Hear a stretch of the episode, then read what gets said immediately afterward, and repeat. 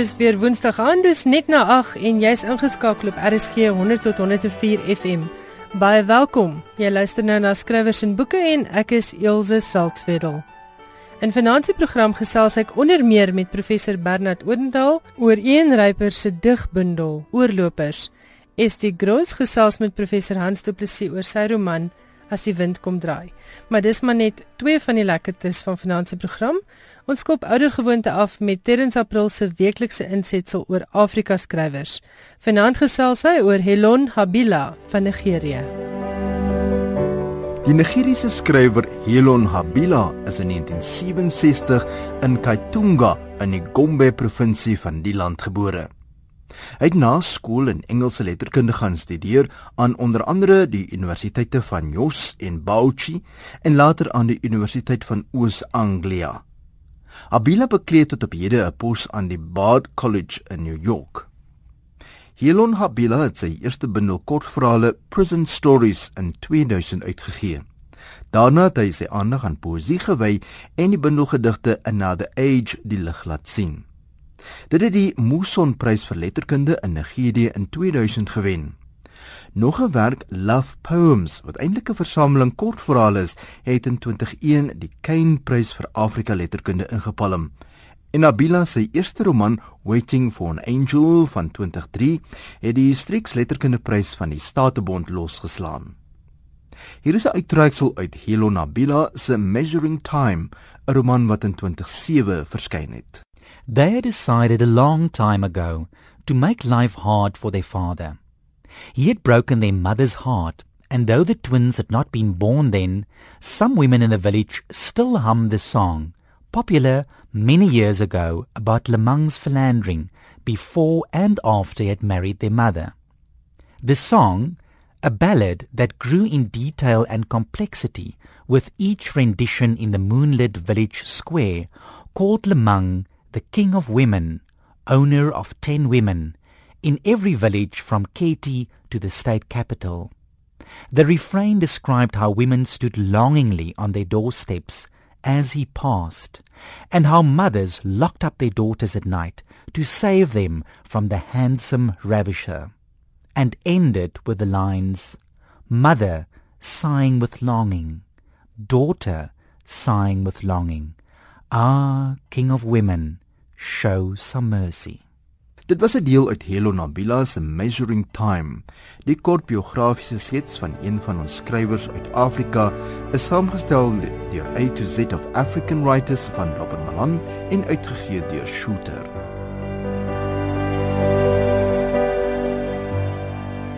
Dankie Terrens. Finansie Afrika skrywer was die Nigeriese skrywer Helon Habila.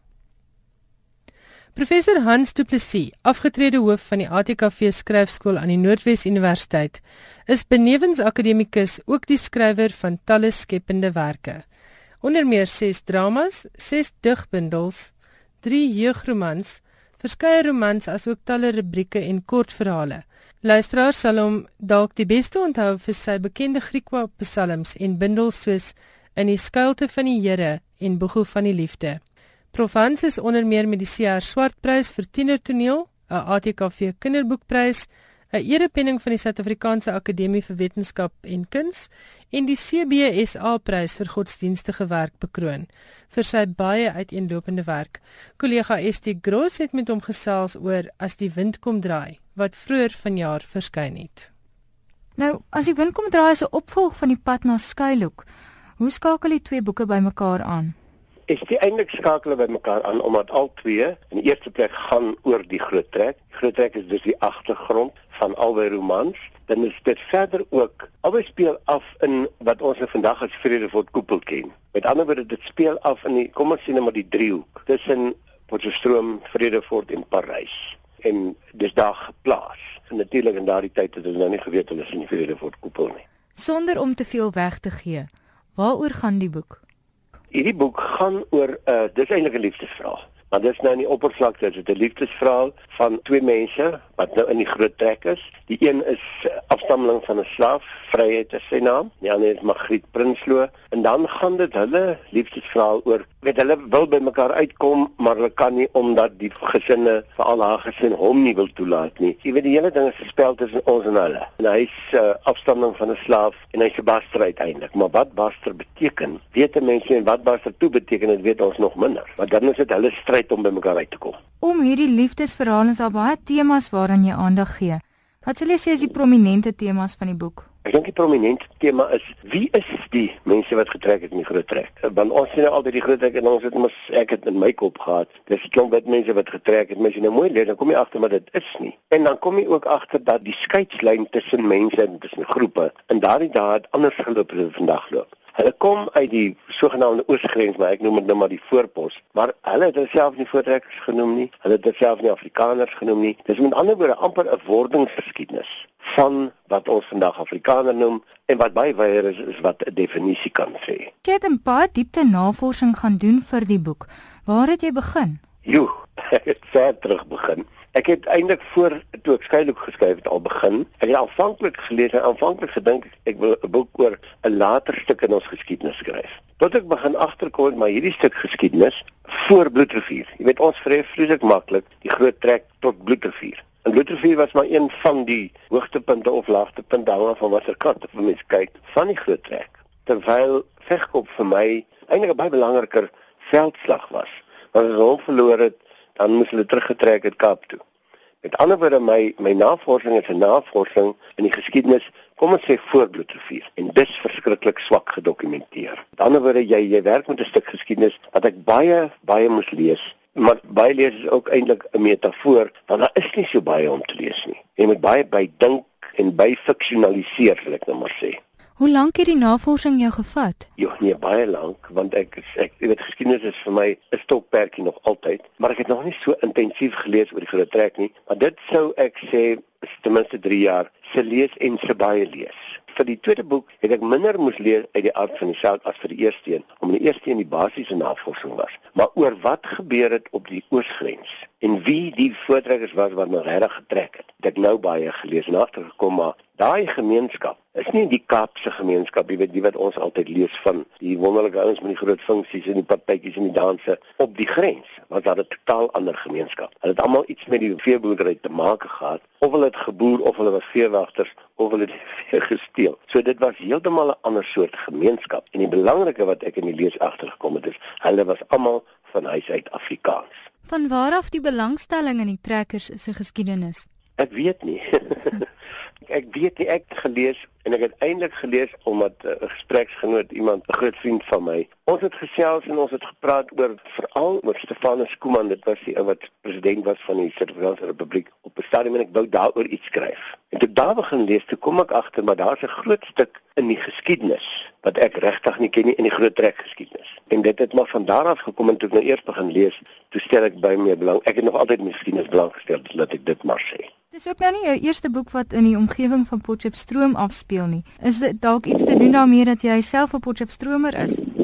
Ek dink baie definitief dit daarmee iets te doen. Jy weet want daar's van 'n jeugboeke wat hier afspeel en dan is dit baie spesifiek. Jy weet dan ek noem selfs die strate en ek noem die plekke waar hulle is en dan Verbrande Paradys is ook 'n roman wat spesifiek in die Vredefort koepel afspeel en afspeel teen die agtergrond van daai hele bewaring van natuur, die hele ding van weet wat is ons besig om met die omgewing te maak. En my gevoel is altyd jy skryf vir 'n plek wat jy ken. Ek bly nou al hoeveel jare hier. Grootste gedeelte van my lewe bly in Potchefstroom en dit is vir my dan eintlik makliker om oor hierdie omgewing te skryf omdat jy hom dan ken. Ek wil net nog bietjie gesels oor die temas in jou boek.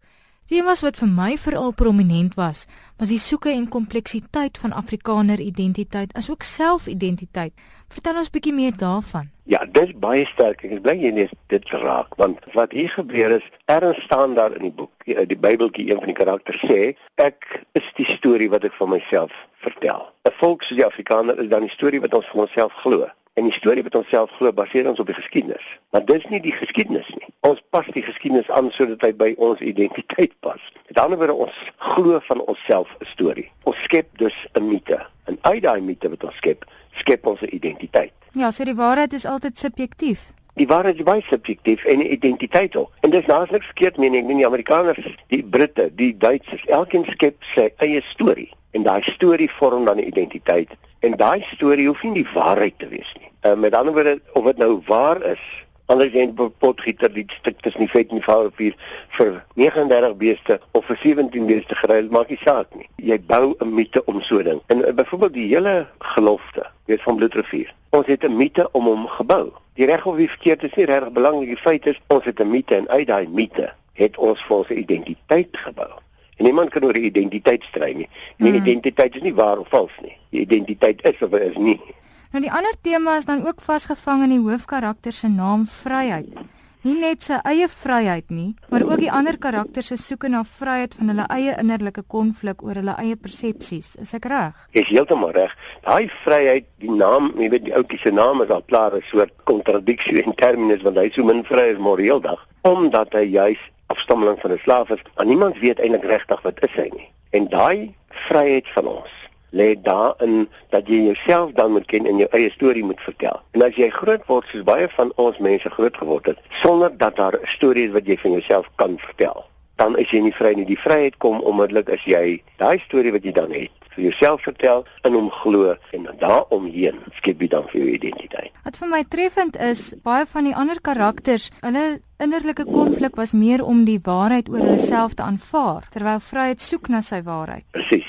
Maar nou kyk mooi die waarheid wat die ander aanvaar is ook 'n gemaakte waarheid. Uiteindelik want as jy nou Magrita, Magrietse mense neem, Hulle glo van hulle self dat hulle so suiwer is. Nou wat is suiwer? Net vir alles is spraak van ek is 'n suiwer mens, ek praat suiwer Afrikaans of ek is suiwer uh, Europeër. Wat beteken dit? Daai suiwerheid is ook 'n soort mite. Die vraag van identiteit is universeel en tydloos. Dink jy dat dit 'n groter vraagstuk is vir ons in Suid-Afrika as vir ander lande? Nee, ek dink nie so nie. Is dit wat dink ek? Ek dink dwars deur die wêreld word die vraag na 'n eie identiteit al groter hoe minder ons oor identiteit weet. In hierdie wêreld van vandag wat eintlik 'n globale wêreld is waar grense alvaar word of kom ons sê liewer waar die ou grense wat ons geglo het nie meer heeltemal so duidelik is nie word dit vir ons dink ek nie ek dink dit word juist belangriker om 'n identiteit te hê maar dit word moeiliker om hom te kry omdat die grense herskep moet word. En in die oomblik as 'n mens verskuif van plek Jy weet 'n plek soos hier, soos die grens, weet die oosgrens wat ons altyd van praat. Dis nie 'n plek nie, dis 'n toestand. Dis hoe jy jouself daar sien. En die oomblik as jy van plek verskuif, dan verskuif jy van normes, van waardes, van identiteit en die storie wat jy van jouself glo, verskuif dan min of meer ook saam met jou. En dit is vandag nog so. Dink ek. Wat is jou hoofboodskap met hierdie boek? Ek dink 'n mens is wat jy glo jy is.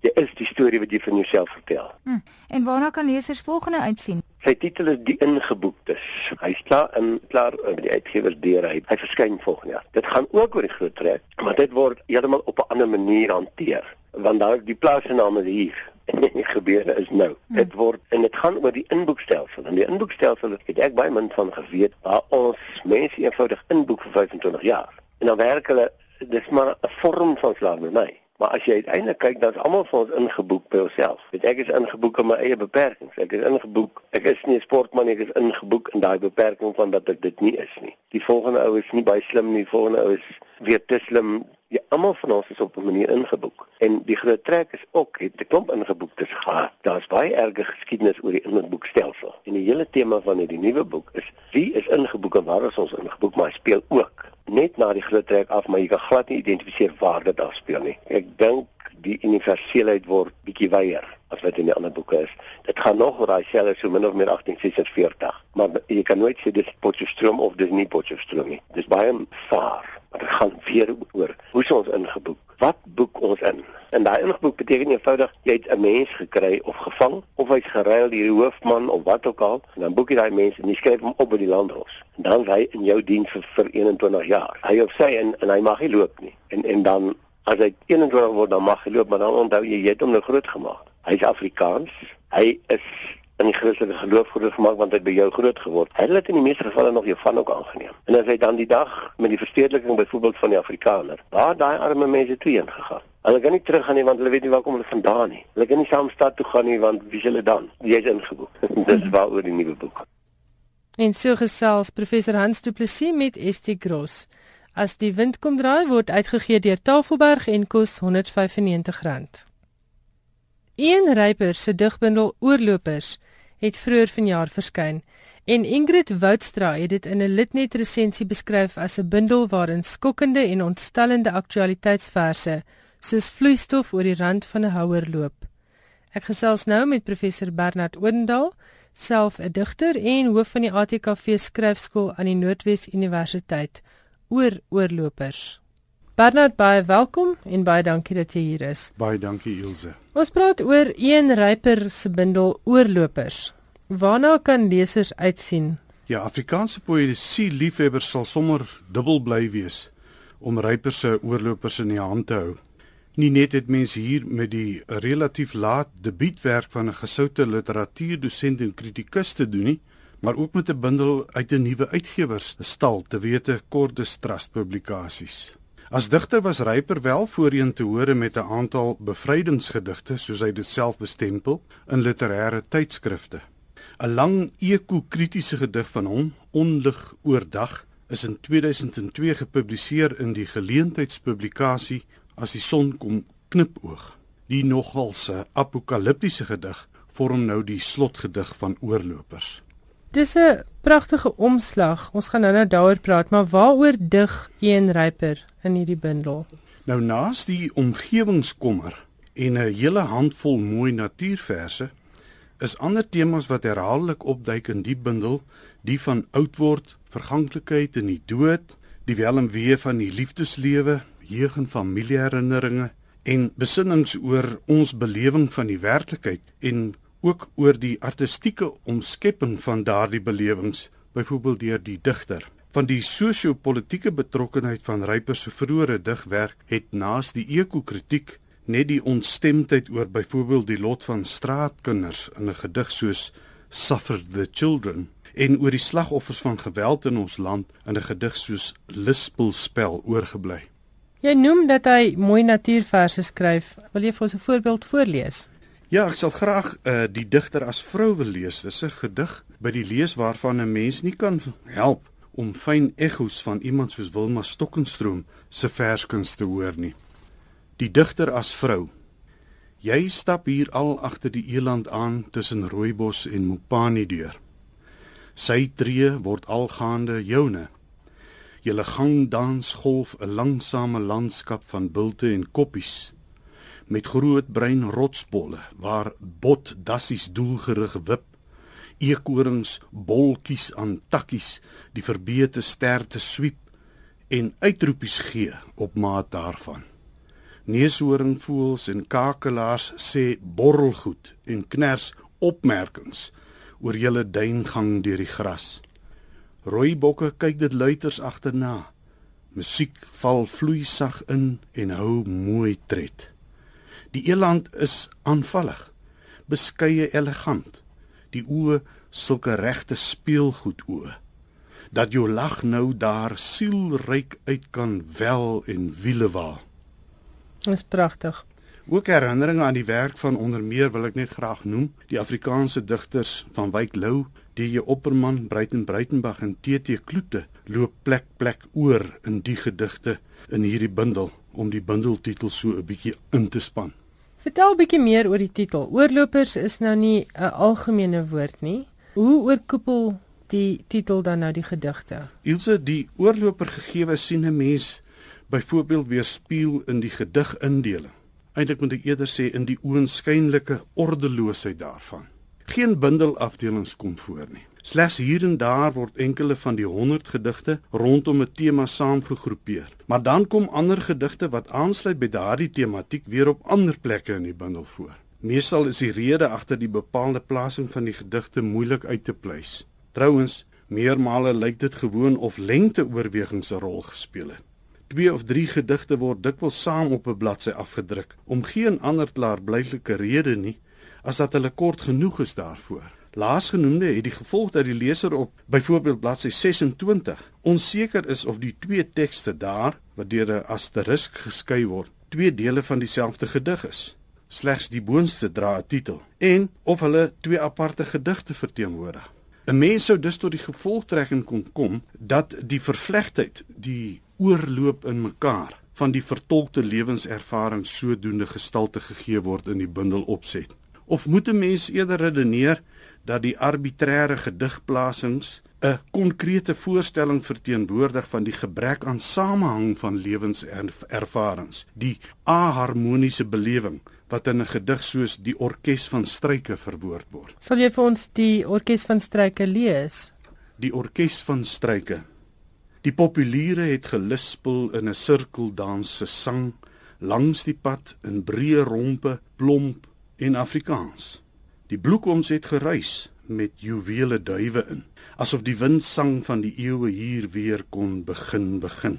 En daar kom die platane, die soliste, by met stemme silwer en liggaamlik skerp en met Bartok se klim en lemme. En ek wat dit snaarde regeer, adolessente vent, word op my beer deur al die aharmonie lewenslank vol dolosse dissonant gespan, thou thou thou Met ander woorde wat jy sê is hierdie hierdie oorloop, dis 'n oorloop in mekaar in, maar dit ek kry ook die beeld van die oorloop van 'n beker byvoorbeeld. Ja, van wat die volheid, oorge, die wat oorgevul is as van dit die ware. oorweldigende volheid van die belewing. Ja, ook iets daarvan. Maar as 'n mens nou na 'n gedig soos hierdie kyk, dan let 'n mens op onverwagte maar funksionele troebelhede wat daarin voorkom. Dis 'n knap gekomponeerde gedig, maar te midde daarvan kom daar sekere dinge voor wat 'n mens iets laat ervaar van die van strykgebringheid van die kunstenaar. Byvoorbeeld gelispel in 'n sirkeldans se sang. 'n Mens verwag eerder 'n konstruksie soos meer gelispel aan 'n sirkellang dans se sang. Kyk na die woord snaarde regeer. Hoe moet 'n mens die nuutskepping begryp? En dan 'n uitdrukking soos vol dolosse dissonant gespan. Hoe kan dolosse wat met die gesigsintuig waargeneem moet word, wat gesien moet word, gekwalifiseer word deur dissonant, 'n woord wat op 'n waarneming met die oor uh, uh berus wat woorde daarop wat gehoor moet word. wat gehoor moet word. Na wat ek kon vasstel, kan die slotwoord, daai thou thou thou thou, heel verskillende dinge beteken. Van 'n repetisie van die afgekorte weergawe van die Engelse woord thou, met ander woorde in Afrikaans nogtans, tot 'n uniese slangwoord vir die manlike geslagsorgaan. En uh, dit is daarom soms ook moeilik om van die gedigte in die bundel goed te begryp. Die werklikheidsbelewing wat in oorlopers verwoord word, word dikwels gekenmerk deur die verbeeldingryke. Vandaar dat een van die gedigte die titel Fantas tot die mag en dra, met ander woorde Fantas tot die mag oneindig. 'n Mens sou ook van 'n ontwrigte en ontwrigtende groteske werklikheidservaring kon praat. Vergelyk 'n gedig soos die volgende: Hoeke. Ons het gedink ons hoor 'n engine loop. Hier sit 'n man sy kar en rook. Daar word 'n hond vol hare straat af aan 'n band gesleep en moet sy petiterige pootjies gly gly byhou. Kersvader sweet en smous vir Afrika in die hernoemde Prinsloo straat Pretoria en hoor sy selfoon weer nie lui nie. As jy die wrimelvis uit die water tel, kom daar sowat van die rivier saam. Ons gery kan dit nie hou nie. Sy is 'n matematiese probleem en stel alles driehoekig in, 'n skerpioen so wyd gespan. Klomp goed hierin. Klomp uiteenlopende Moeilik om uit te pleis. Ja, ja, maar Ja. pragtig. Ek daar's vreeslike mooi beelde daarin en, Ja, en pragtige woordgebruik. Jy's terselfdertyd aangetrek tot die gedig, maar ook vervreem van hom. Ja, ek verstaan regtig nie, maar ek hou van ek hou van woorde soos die wel van sinsnede soos die petiterige pootjies gly gly byhou en Ja. ek sien vir Kersvader wat nie sy selfoon oorlei nie. Ja, en dan heel- kom hier die laaste twee Ja. strofes. Herkenbare belewennisse wat naas onherkenbare staan, on, Ja. onidentifiseerbaar is. Ja, nou dit gebeur dikwels in die bundel ook dat die titels van gedigte en die inhoude van die gedigte oënskynlik weinig of geen verband met mekaar vertoon nie. Jy het vroeër gepraat van die uh, die stofomslag van die bundel byvoorbeeld. Die foto daar, naamlik van 'n brug oor 'n rivier waaroor daar voetgangers beweeg, dit lyk na 'n toneel wat 'n mens iewers in ou Europa kan teekom. Dit kom as onsamehangend met die bundelinhoud voor. Ja, dit het kennelik met die oorloper gegee te doen. Met ander woorde mense wat oor 'n brug Ja. loop of tussen wêrelde loop of Dis wat ook al. Maar die Europese wêreld wat gesuggereer word, of enige ander oorseese ruimtes is kwaliek opvallend in die bundel. Dit het niks te doen met wat in die bundel staan nie. Ja, ek lees baie Afrika in die bundel. Presies.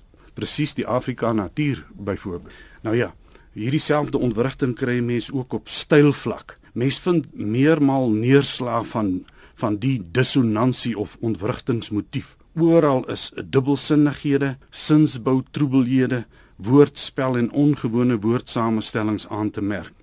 Oorlopers is in sy ontwrigtende effekte, sy soms uitdagende geslotenheid, 'n bundel waarvan 'n mens by die lees meermale moet dink aan onlangse Afrikaanse digbundels wat beskou word as behorende tot die sogenaamde tradisie van hermetiese. Hermetiese beteken juis geslote, uh, minder toeganklik. Hermetiese digkuns, byvoorbeeld digbundels van Gilbert Gibson, Hans Pinaar en Fourie Botha. Die oorloper gegeewe, kan dit ook verwys na verraaier? Ja, die uh, kom wel daarvoor, maar dit is glad nie 'n belangrike motief in die bundel. Dit is slegs in, in een gedig uh waar 'n mens dit uh, teekom. Die gedig se naam is Ruiter en Perd en mis uh die die die tipiese volksverraaier of die oorlogsverraaier uh motief met ander woorde. Maar die verraad hier is miskien eerder die as 'n mens dan nou van hierdie soort uh uh oorlopery praat is die verraad wat geïmpliseer word eerder die van die verwagtinge wat die leser het nê nee, van 'n van 'n herkenbare wêreld wat samehangend is wat hy gaan kry en dan kry hy dit nie in die bundel nie. Vir wie is hierdie bundel? Dit dis uitdagend, maar dis tog 'n besonderse bundel. Ja, juist, dit is uitdagend. Dit is 'n bundel vir fynproevers, maar ek wil dit nie uh jy weet dadelik uh buite die bereik plaas van mense wat sê nou maar nou nie geskoold is of opgelei is om letterkunde te lees nie, want soos jy nou self opgemerk het, daar's soveel wat 'n mens verras en wat aangenaam is mm. en wat en wat wat wat wat aandoenlik is.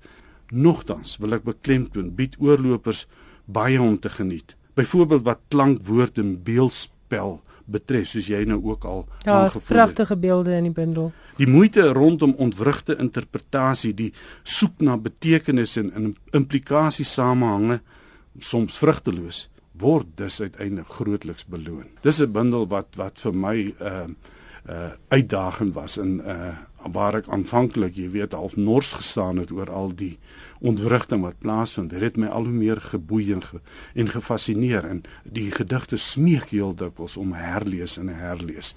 En dit is 'n uh, 'n stuk plesier wat 'n poësieliefhebber uh, jy weet hom graag laat aandoen. Ja, want nou met elke herlees lees jy iets anders in en ontdek jy 'n klein bietjie meer ontdek jy van meer, presies. Dit was dan professor Bernard Odendaal en ons het gepraat oor een ryper se digbundel Oorlopers. Dit word uitgegee deur Roslyn Pers en kos R140. As jy sukkel om die boek in die hande te kry by 'n goeie boekwinkel, stuur gerus 'n e-pos na roslyn@lantic.net. Dit is Roslyn R O S S L Y N I en dan die tekentjie by lantic rsg.net. Onthou dat jy ook aanlyn kan luister by rsg.co.za. In haar derde en laaste gesprek met Archie Dick, skrywer van The Hidden History of South Africa's Book and Reading Cultures, gesels Corina van der Spool nou met hom oor die waarde van die argivering van boekerye en privaat biblioteke. Sy wou onder meer weet hoekom dit belangrik is om byvoorbeeld iemand soos die oorlede biograaf J.C. Kannemeyer se boekerye te bewaar. Die literêre historikus John Kannemeyer is onlangs oorlede en hy was 'n biograaf op 'n manier van Afrikaanse letterkunde en Suid-Afrikaanse letterkunde. Hy's bekend vir sy biografieë oor Jan Rabie, oor T.J. Opperman en mees onlangs oor J.M. Coetzee. Nou om so sulke dik boeke met so baie inligting en hy's bekend daarvoor dat hy so minuskule inligting alles neergeskryf het en dis waaroor hy biografie gaan, maar dit is saamgestel uit boeke wat hy nie almal self besit het nie, maar tog tot 'n groot mate groot hoeveelheid dokumentasie en boeke gehad. As ek reg verstaan is daar die bestaan daardie biblioteek en daai argief wat dit eintlik is nie meer nie. Dit dit is nie erns 'n tuiste gekry nie. Uh, as ek nou dink Kotse se biblioteek en sy dokumente is deur Texas University ehm um, gekoop in Steven Grayson en Nadine Gordimer sin sit ook in Texas.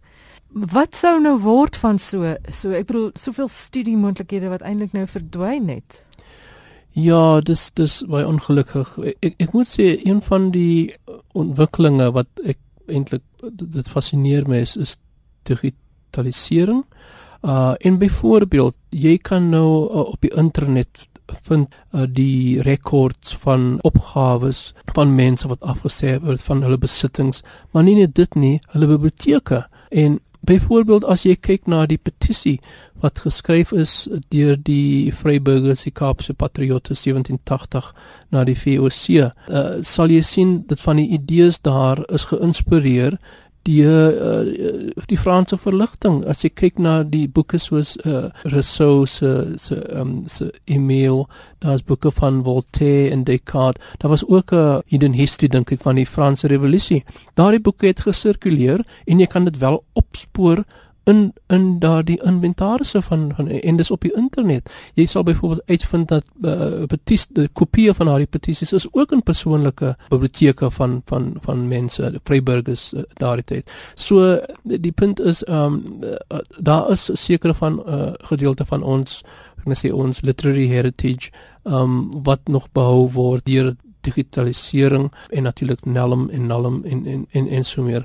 Maar uh dit sal seker uh 'n poging neem van uh skrywers, bibliotekariërs, al hierdie heritage uh, mense en natuurlik die hulp van die departement uh, um, arts and culture uh, om baie meer van hierdie goed hier in die land te hou uh, en dit nie uh, verdwyn nie of uh, oor see gaan nie en dit moeiliker maak vir ons om na hierdie tipe navorsing te doen. Archie, dit klink vir my eintlik soos 'n fantastiese werk wat jy het. Dit is eintlik uh, om 'n literêre speurder te wees. Dit klink tog vir my of dit nie alles nie als daarvan is die sit in stowwerige biblioteke nie. Het jy rare fondse of rare ervarings gehad of iets wat jy met ons kan deel? ja, ek ek dink die uh, manier waarop ek my inligting ingesamel het is vir my nogal baie verbasend. Ek kan dink aan 'n geval waar ek 'n naam gehoor het by 'n komitee waar ek opgedien het om geld uit te deel vir biblioteekprojekte en ek het die naam gesien van een, van die mense wat aansoek gedoen het. Ons het die geld natuurlik gegee, maar ek het die naam gebruik want ek het daardie naam onthou van iemand wa waarmee ek saam gewerk het in die stadsbiblioteek van Kaapstad uh, in die 80e jare. En toe haar telefoonnommer was daar, ek het haar gebel of haar e-pos uh, ons het gekommunikeer en ons het op 'n manier dan um, afspraak gemaak om uh, by 'n kof, koffie koffiewinkel uh, saam te kom en sy sou my dan 'n bietjie meer vertel van uh, haar uh, ervarings in die 80e jare toe die biblioteek gebruik is vir clandestine hierdie geheime ver, vergaderings uh, en so meer. Um toe ek daar kom, is dit heeltemal 'n ander persoon. En ek het nie geweet wie sy was nie. Ek het 'n fout gemaak met die naam en ek het heeltemal verbygestap en en toe kry ek 'n oproep op my selfoon om te sê ek wag hier vir jou by die by, by die koffiewinkel. Toe gaan ek terug en ek sien dit my ek dink dit kan nie dieselfde persoon wees nie. Uh dit was 'n ander heeltemal 'n ander persoon, maar dit was die beste onderhoud wat ek ooit gehad het.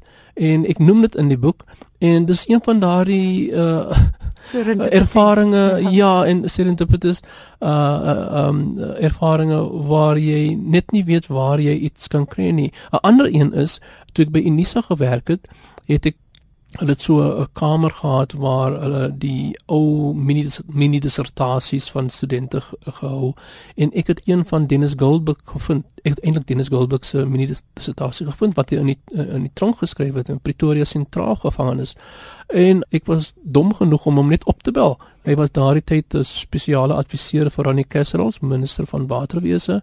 En toe sê ek vir hom is this Dennis Goldberg en ek sê yes to say from I have your mini dissertation here which you wrote back in ek weet nie the 1960s uh, ek het net die kans gevat en as gevolg daarvan het ek 'n uh, hele reeks onderhoude met hom kon voer. Dit is vir my deure oopgemaak na ander mense en verwysings na ander aktiviste oud, oud aktiviste uh en so so um uh, ek kan 'n boek skryf net oor hoe ek hierdie boek geskryf het. Ek dink nou aan Wyle Neville Alexander wat vroeër jaar oorlede is taalaktivis 'n uh, anti-apartheidsaktivis uh, van die Kaap wat eintlik nog glad nie genoeg besing is nie. Maar jy het gesê jy het interessante materiaal gevind by die Universiteit van Wisconsin in die in uh, die Verenigde State. Ja, ek dink Neville was 'n internasionale figuur en um soos jy sê hy was nog nie genoeg besing nie en en uh, miskien is een van die redes dat ons nie weet waar al die argiefstukke uh versteek is nie en ek het terloops uitgevind dat um by die Universiteit Universiteit van Wisconsin se argief was daar 'n hele uh, meer as 300 rekords het ek gevind uh, oor die Alexander 10 uh, want hy was deel van 'n groep van 10 wat dan uh, gearresteer was en uh, na die uh, die uitslag is hy Robben Island toe gestuur uh, en maar uh, anders is na ander plekke toe gestuur. En die rekords vertel van fondsinsameling uh vir uh, die die die hof en vir mense wie se se rent uh, moet betaal word en elektrisiteit moet betaal word. En hierdie korrespondensie is, uh, is is van van, van uh, Neville Sama aan hierdie mense om te sê um hoe goed dit gaan of hoe sleg dit gaan met met hulle. En ook oor die in die tronk in die, in die tronk ja en en wat wat sê gaan hulle gaan besoek het en dan uh terugvoer gee gee vir hierdie mense wat die fondse insameling en dan uitdeel en vir haar stuur in Lansdowne in in Kaapstad. Maar daar's ook 'n briewe wat vir jou inligting gee oor die ander lede van die groep wat wat minder bekend is soos Neville se suster wat baie siek geword het in die tronk. Dorothy Alexander. Dis reg ja. En Neville se ma wat self 'n strook gehad het en jy kan sien in haar briewe hoe sy weer probeer skryf en en en en sukkel om te skryf. En dan is daar posters en pamflette wat uh, gemaak is en vir hierdie fondsinsameling partytjies of uh, spreekgeleenthede uh, wat in kerke en aan allerlei sale gehou is om die FSA verskillende state en en in Kanada. So daar's 'n hele stuk uh uh, uh geskiedenis wat daar is oor Neville en die Alexander 10 en die uh, Unity movement wat nog uh, uh ek dink bestudeer moet word. Baie dankie Archie vir die fascinerende inligting en ek hoop regtig jou studies gaan voort want dit voel vir my asof hierdie soos 'n Pandora se boks is. Jy moet eers begin krap in 'n klein hoekie daarvan dan begin allerlei geskiedenisse oopvou. En baie sterkte en baie geluk met jou boek The Hidden Histories of South African Book and Reading Cultures. Hierdie boek is gepubliseer deur Universiteit van KwaZulu-Natal uitgewery en mense kan dit op die internet kry uh, of jy kan dit miskien Google en dan kan jy dit vind kyk na so 'n boek, dit is geskiedenisse wat eintlik nou eers begin bekend word en dit vertel eintlik 'n hele sosiale politieke geskiedenis waarvan mense nie altyd weet nie. Baie dankie. Baie dankie vir die geleentheid, Corina. Dit was dan Corina van der Spool in gesprek met Archie Dick. En nou is dit tyd vir Johan Meiburg se gereelde gesprek oor internasionale letterkunde. Johan, baie welkom. Waaroor gesels ons vanaand? Haruki Murakami, die Japanse skrywer. Nou of bekroonde skrywers noodwendig uittoring bo ander, minder of selfs onbekroonde skrywers is 'n oop vraag. Is bekroning werklik die enigste aanduiding van grootheid as skrywer of kunstenaar? Verlede jaar was alle oë op die Japanse skrywer Haruki Murakami as aanspraakmaker op die Nobelprys vir letterkunde. Toe was hy die gunsteling. Vanjaar was dit weer so. En toe wen Alice Munro Vanjaar is Murakami ook benoem vir die Neustadt-prys en toe wen die Mosambiekse Miyakutu. Is Murakami dan nie 'n goeie skrywer nie? Omdat hy konsuis nie in die geselskap van bekroonde skrywers is nie. Ek glo nie so nie. Miskien is dit net 'n kort pad om na iemand te verwys as suksesvol in ons lewende tyd van kort paaie. Murakami het sy kwota-pryse al ingepalm maar dit is asof sukses gemeet aan die maatstaf vir hom nie bekoring het nie. Trouwens hy ontwyk deurgangs die soort kitsgreep op roem. Hy staan kwalike onderhoud toe. Hy jag nie publisiteit na nie. In sy Ghost Train to the Eastern Star vertel Paul Theroux van sy ontmoeting met Murakami.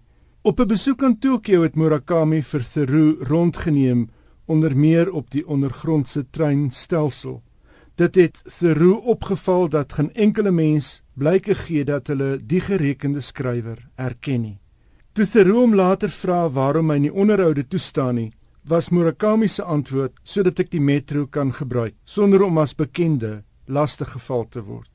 Haruki Murakami is in 1949 in Kyoto gebore En het dalk anders as sy tydgenote 'n taamlike sterk westerse klap weg van die westerse letterkunde sowel as die van die westerse musiek. Hy maak gebruik van Mozart, Schumann en Rossini in sy werke. Hy het eers op 29 begin skryf. Sy eerste roman, vertaal as Hear the Wind Sing in 1979, was onmiddellik gewild en hy het dadelik weggespring met sy tweede roman, Pinball 1973, wat in 1980 verskyn het. A Wild Sheep Chase het in 82 verskyn en die drie boeke het saam The Trilogy of the Rat gevorm. Met sy Norwegian Wood van 2000, 'n verhaal van verlies en seksualiteit, het Murakami sy veral sy jong Japanse lesers diep geraak en met miljoene eksemplare in die land verkoop. Dit bly opmerklik hoe die boek jong mense in Japan aangegryp het. Eweso het Murakami lesers betower met Kafka on the Shore in 2005 en 1Q84 van 2011 in 3 volumes. Murakami se skryfwerk het 'n ondertoon van die surreële en selfs die nihilistiese Hy beskryf alleenheid as tema met 'n kafkaeske gevoel van eensaamheid en vervreemding. Sy jongste roman het in April in Japan verskyn en boekwinkels is toe oorval deur gretige lesers. Die vertaalde titel lui Calidus Tsukuru Tazaki and His Years of Pilgrimage. Die Engelse vertaling word volgende jaar uitgegee. Toe Murakami onlangs gepols is oor die moontlikheid dat hy dalk die Nobelprys kan wen, het hy gelag en gesê: "Nee, ek wil nie 'n prys wen nie." Dit beteken jy's oor die muur. Hm. Dis 'n anderster uitkyk op pryse. En dan iets oor Adonis, die Syriese digter wat ook in aanmerking sou kon kom vir vanjaar se Nobelprys vir letterkunde. Die skrywersnaam van Ali Ahmad Said Esber, gebore in 1930, die bekendste digter dan minstens in die westerse wêreld in Arabies. Die Syriese digter het hom as jong man eers in Libanon gaan vestig en daarna sy Frankryk toe. Dis nadat hy in die 1950s in Sirië in die tronk gegooi is as gevolg van sy politieke oortuigings. Na sy vrylating in 56 is hy na Beirut waar hy saam met sy mede-digter Yusuf Al-Kal 'n poesietydskrif begin het. Dit in 1964 toegemaak, maar nietemin het Adonis sy eksperimentele verse bly skryf. Verse met 'n sterk nasionalistiese inslag vermeng met 'n stewige skeut mistiek. Van 70 tot 85 was hy professor in Arabiese letterkunde aan die Libanese Universiteit in Beirut. In 80 is hy Parys toe toe die burgeroorlog in Libanon gewoed het en toe het hy aan die Sorbonne Arabies gegee. In 95 is hy op aandring van die Siriëse owerheid uit die Arabiese Skrywersunie geskop. In 2011 het Adonis in 'n koerantonderhoud 'n beroep gedoen op president Bashar al-Assad om te bedank oor sy aandeel in die Siriëse burgeroorlog. In 71 het Adonis die gedig The Funeral of New York geskryf. Die gedig begin so: Picture the earth as a pear or breast between such fruits and death survives an engineering trick. New York Call it a city on four legs heading for murder while the drowned already moan in the distance. New York is a woman holding, according to history, a rag called liberty with one hand and strangling the earth with the other. Adonis selected poems in Engels vertaal deur Galet Matawa is beskikbaar onder meer by Amazon. Dit was dan Johan Meiburg. Dis ongelukkig alwaar ons vanaand tyd het. Vanaand se program is natuurlik weer beskikbaar as 'n potgooi of jy kan Saterdag nag luister na die herhaling in die program deurnag. Ons e-posadres is skrywers en jy kan vir ons SMS na 3343. Elke SMS kos R1.50. daarmee groet ek Elsje Saltzveld dan nou tot volgende Woensdag aand.